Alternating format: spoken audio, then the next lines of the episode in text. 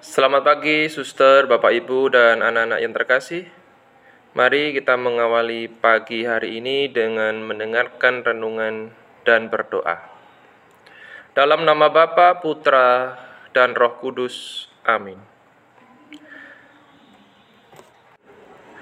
Allah Bapa yang Maha Rahim, buatlah kami mengamini firman-Mu melalui hidup harian kami jika engkau berkenan, janganlah kau biarkan kami menghitung-hitung untung rugi atas semua anugerah yang kami terima darimu, dan jauhkanlah kami dari sikap putus asa yang menjauhkan kami daripadamu. Demi Kristus, Putramu, Tuhan dan Allah kami. Amin. Inilah Injil Yesus Kristus menurut Matius. Dimuliakanlah Tuhan. Sekali peristiwa, Yesus tiba di daerah Kaisarea Filipi. Ia bertanya kepada murid-muridnya, kata orang, siapakah anak manusia itu? Jawab mereka, ada yang mengatakan Yohanes Pembaptis, ada juga yang mengatakan Elia, dan ada pula yang mengatakan Yeremia atau salah seorang dari para nabi. Lalu Yesus bertanya kepada mereka, tetapi apa katamu? Siapakah aku ini? Maka jawab Simon Petrus, Engkaulah Mesias, anak Allah yang hidup.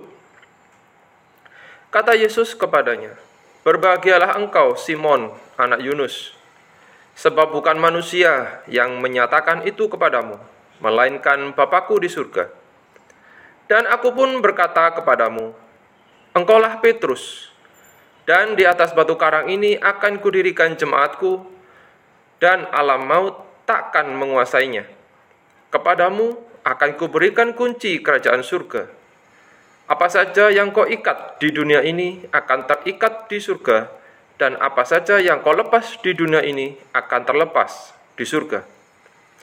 Lalu Yesus melarang murid-muridnya memberitahukan kepada siapa pun bahwa dialah Mesias. Sejak waktu itu, Yesus mulai menyatakan kepada murid-muridnya bahwa ia harus pergi ke Yerusalem dan menanggung banyak penderitaan dari pihak tua-tua, imam-imam kepala, dan ahli-ahli Taurat, lalu dibunuh dan dibangkitkan pada hari ketiga. Tetapi Petrus menarik Yesus ke samping dan menegur dia, katanya, "Tuhan, kiranya Allah menjauhkan hal itu hal itu sekali-kali takkan menimpa engkau.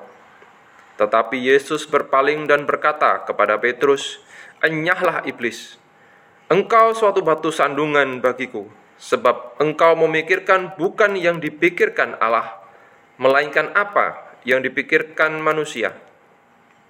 Demikianlah Injil Tuhan. Terpujilah Kristus. Suster, Bapak Ibu, dan anak-anak yang terkasih, dalam bacaan Yesus bertanya, "Siapakah aku ini?" Jawaban Rasul Petrus memastikan kepada kita akan sebuah pengakuan iman yang paling mendalam akan kemesiasan Yesus. Pengakuan itu merupakan ungkapan keyakinan Petrus terhadap sang guru. Keyakinan itu terus diolah dan diasah dengan segala jatuh bangunnya yang berpuncak pada kemartirannya di Roma. Mari kita belajar dari Rasul Petrus.